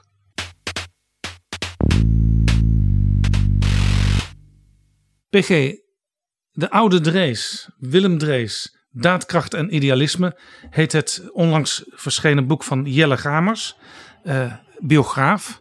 Gebaseerd op uh, hele dikke werken die al eerder onder andere geschreven door Jelle Gamers verschenen zijn. Er staan trouwens ook nog wel wat nieuwe dingen in waar we in een andere aflevering wellicht op terugkomen. Ik zou het graag uh, met jou bespreken voor onze luisteraars. Maar Drees, daar hebben we allemaal het beeld van. Die was heel lang minister-president. Uh, die regeerde ook met verschillende combinaties van partijen. Wijs, bemiddelend, uh, rustig, verstandig. Hè? En lang voordat Partij van de Arbeid en VVD over paars spraken, zaten ze samen al onder Drees te regeren. En ook natuurlijk regeerde Drees met de toenmalige christelijke partijen. Maar op een gegeven moment was het ook voor Drees afgelopen. Ja, en de beeldvorming van Drees, vader Drees, de man met het sociale hart, uh, die de problemen van de dekolonisatie uh, ja, uh, moest beredderen. En ook Nederland toch een stuk vernieuwing ook bracht he, met, in de jaren 50. Dat beeld heeft dus altijd wat overschaduwd. Dat het einde van Drees ja, heel sterk ja, in het rijtje past dat wij nu bespreken. Tamelijk dramatisch en ook ook hier weer dat die vereenzaming en dat verlies van die greep. Als ik je nou vertel, uh, in 1956 uh, had hij een prachtige verkiezingsuitslag gemaakt met zijn Partij voor de Arbeid. En het ging helemaal niet meer nee. in de kabinetsformatie. Maar nog steeds had, hadden de kiezers dus het idee van vadertje Drees, zoals hij inmiddels genoemd werd uh, die is goed voor ons. Wij moeten hem prolongeren. Wij moeten hem handhaven op die plek. Ja. En die kabinetsformatie, het ging volstrekt niet. De ene informateur naar de andere die dan weer werd bedankt. Daarbij speelde ook nog wat natuurlijk zo min mogelijk naar buiten moest komen. Dat hij een dramatisch probleem moest beredderen. De bekende Greet Hofmans affaire. Ja, daar staan hele interessante dingen over in dat boek. Maar daar gaan we het nu niet aan detail over hebben. Maar je zag hier dus een premier die ondanks een mooie verkiezingsuitslag merkte dat hij de greep kwijtraakte. En uiteindelijk is er toen een kabinet gekomen, ook vanwege de crisistoestanden. En dat, was, dat noemde zichzelf een noodkabinet. Nou, dan, dan, dan, ja. dan voel je het al. Ja. Iets wat je in 2021 ook wel eens hoort in het discours. Misschien moeten we maar een kabinet hebben voor twee jaar of zo. En dan kijken we daarna wel weer verder. Ja, dat is natuurlijk vanuit de parlementaire uh, zeg maar, zeden natuurlijk onzin. Want dan moet je ook zeggen, we, moet je zeggen, we kondigen nu vast verkiezingen aan voor over twee jaar. Ja, en zo is ook een beetje niet. van, uh, hebben we dan nu geen ambities of zo? Of geen durf. Nou, het was zo dat Drees werd geconfronteerd met een kabinet wat hij zou leiden. Met ministers van de Partij van de Arbeid.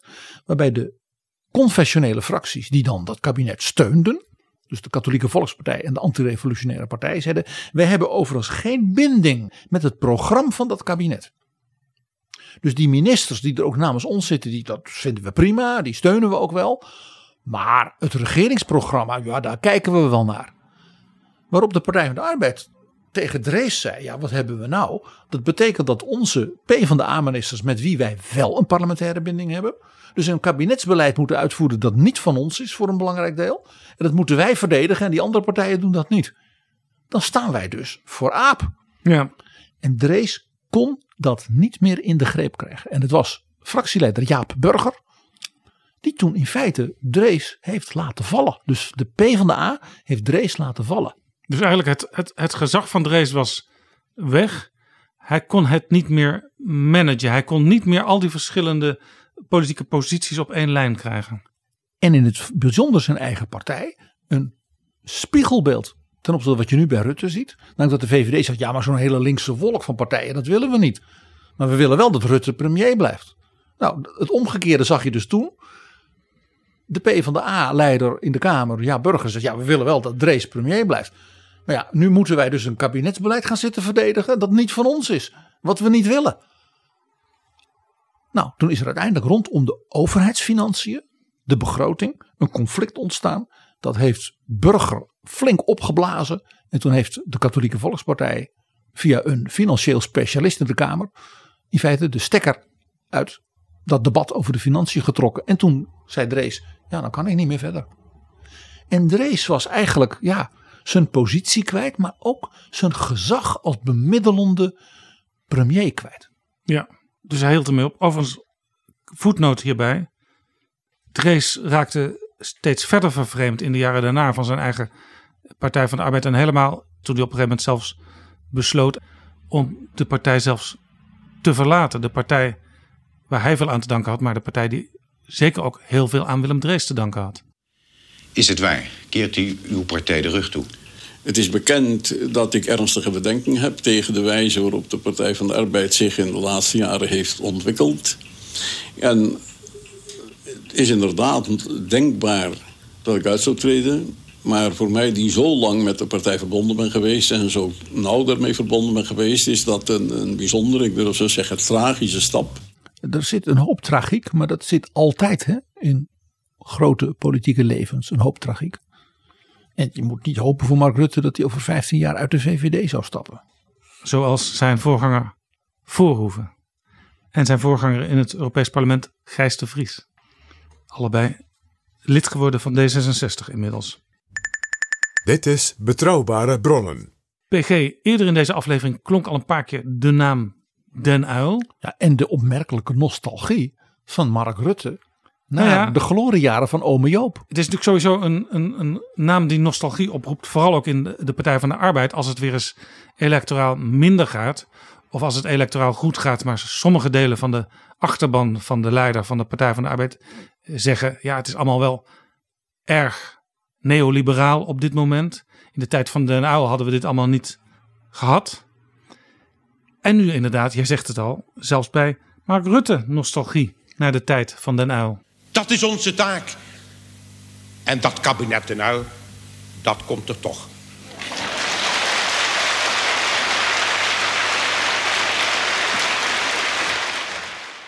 Mark Rutte die zegt van ja, het gesprek met de minister-president op de tv, dat eh, gaat voortaan niet meer door. Want die debatten, die gaan wij zo voeren.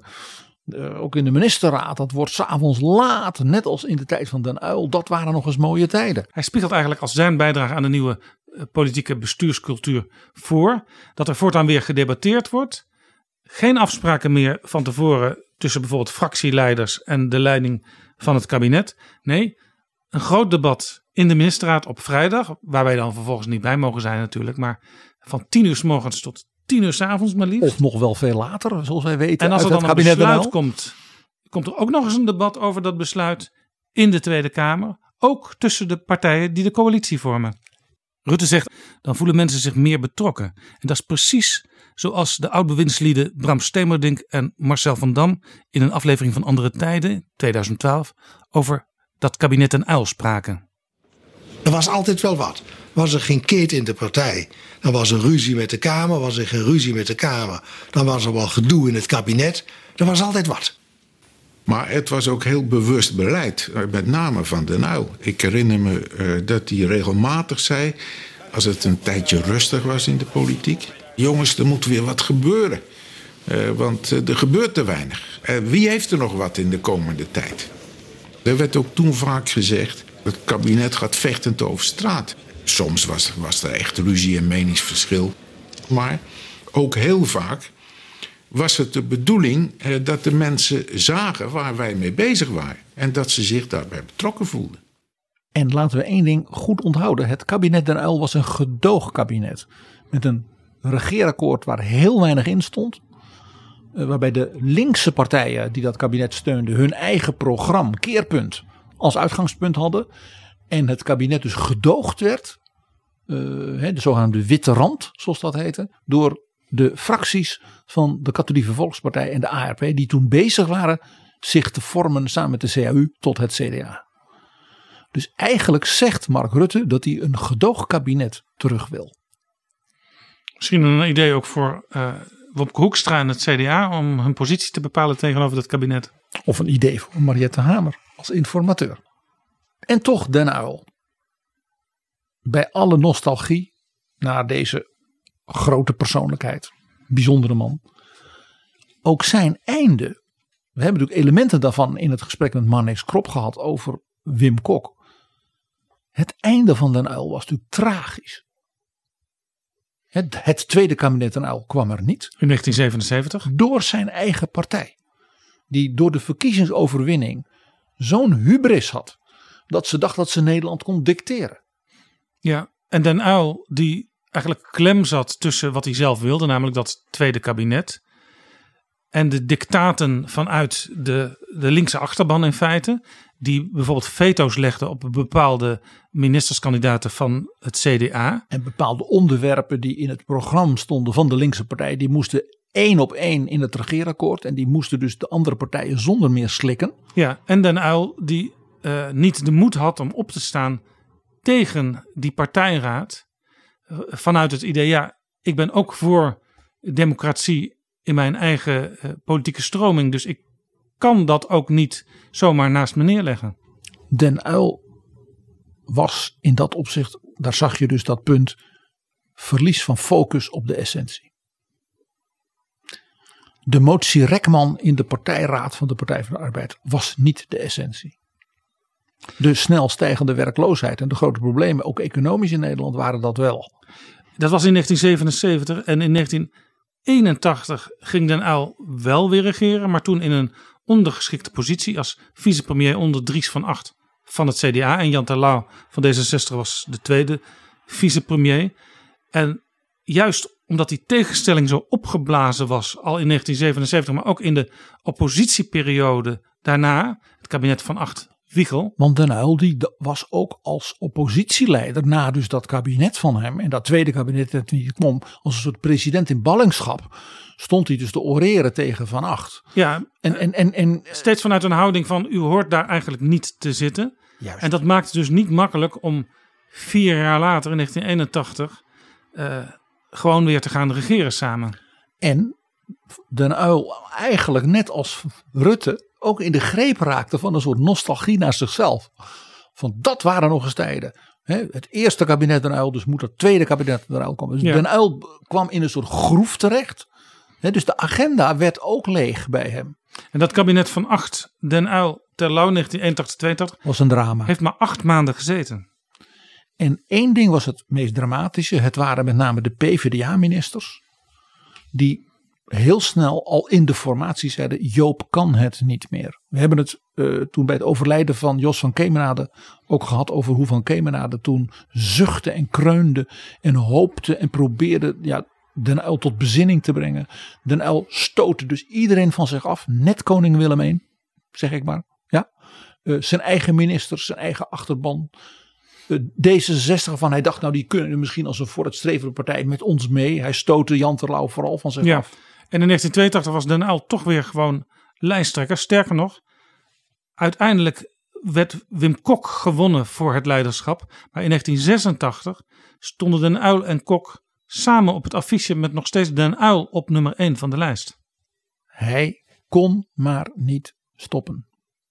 Dat is dus negen jaar na dat drama wat al begon in 1977. Joop den Uyl is negen jaar lang als een soort wreker.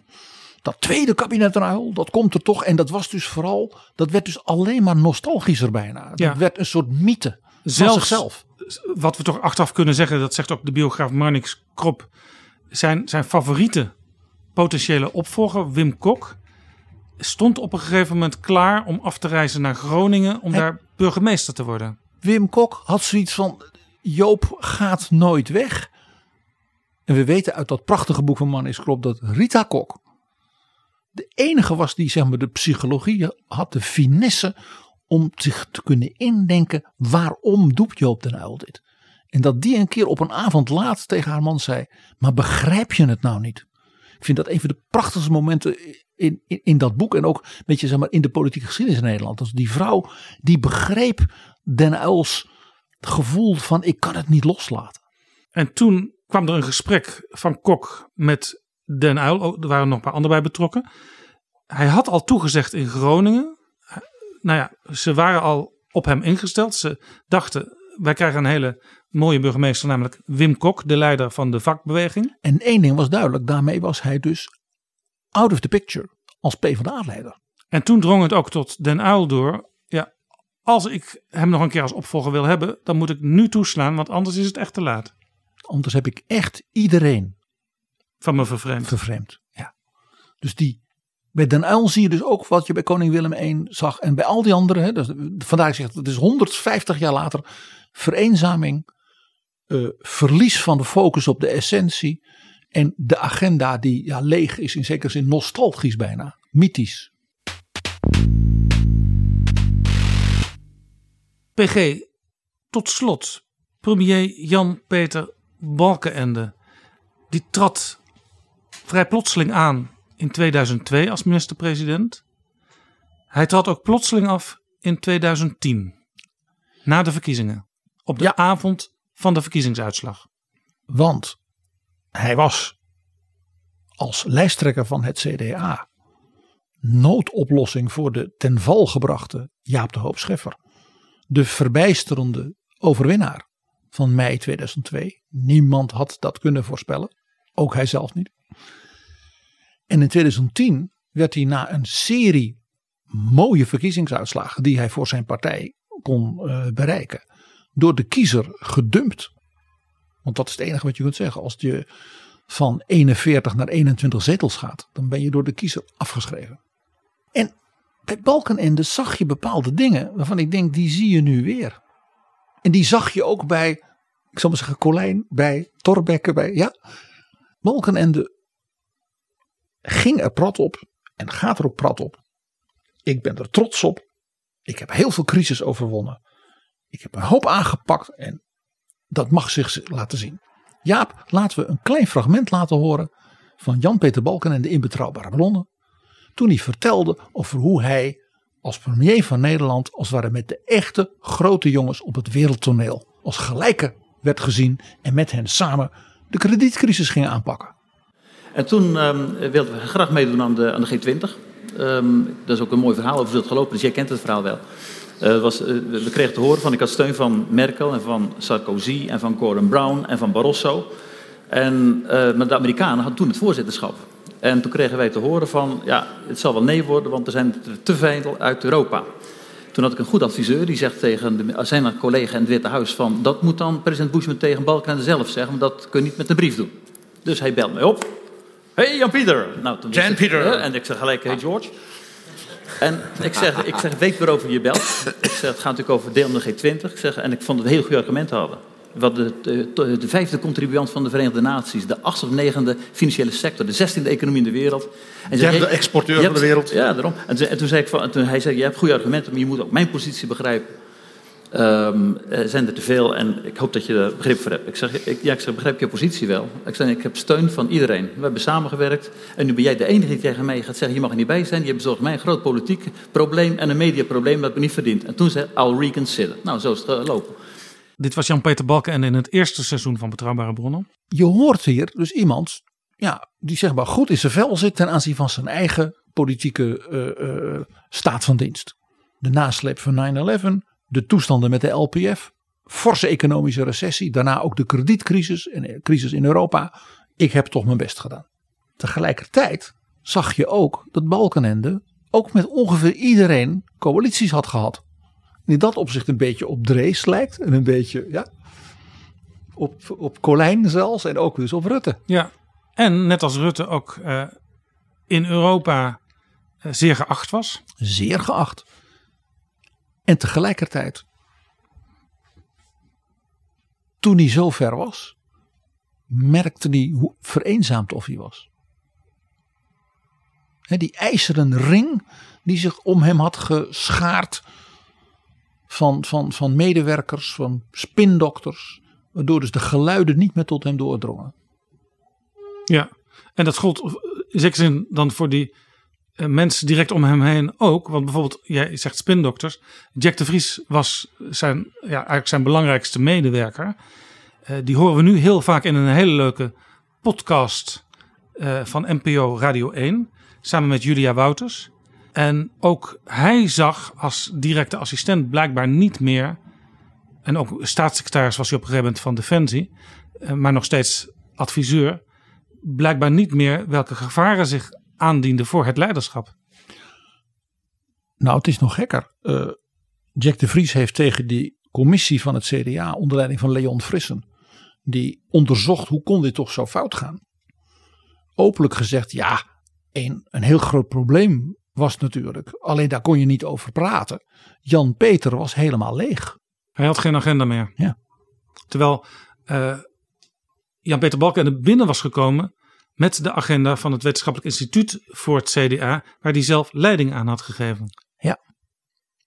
Maar dat zelfs een De Vries gewoon zegt: ja, maar Balkenende was gewoon helemaal op. PG, dit doet mij denken aan wat Willem Drees zei toen die was vertrokken als premier en als leider van de Partij van de Arbeid.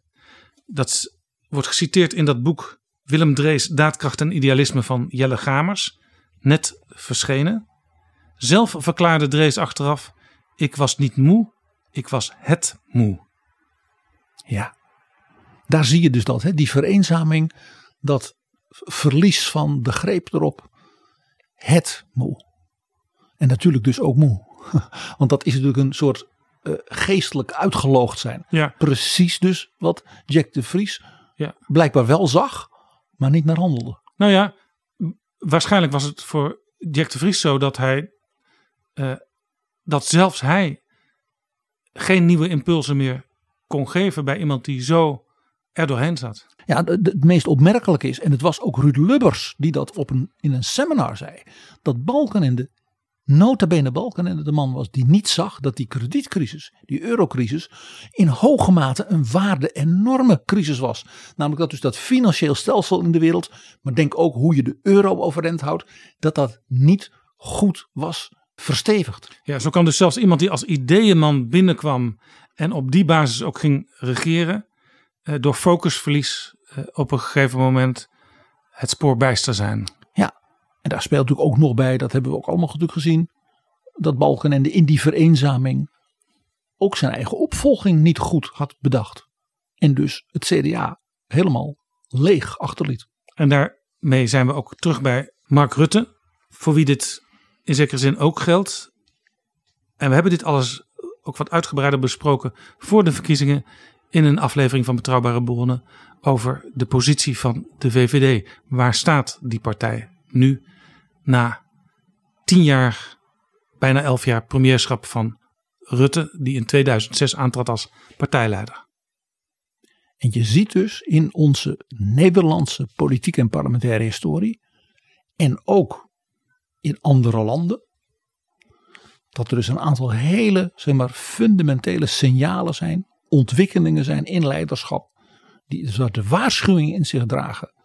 Van wat ik noem erosie, slijtage.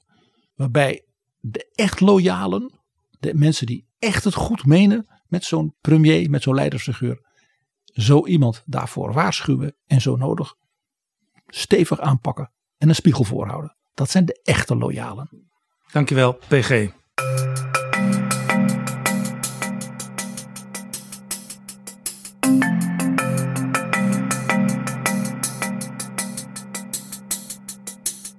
Zo, dit was Betrouwbare Bronnen, aflevering 193. Deze aflevering is mede mogelijk gemaakt door donaties van luisteraars via de site vriendvandeshow.nl. Heb jij veel waardering voor Betrouwbare Bronnen? Steun ons dan ook met een donatie, bijvoorbeeld met 3 euro per maand. Ga daarvoor naar vriendvandeshow.nl/slash bb. Alvast zeer veel dank. Tot volgende keer.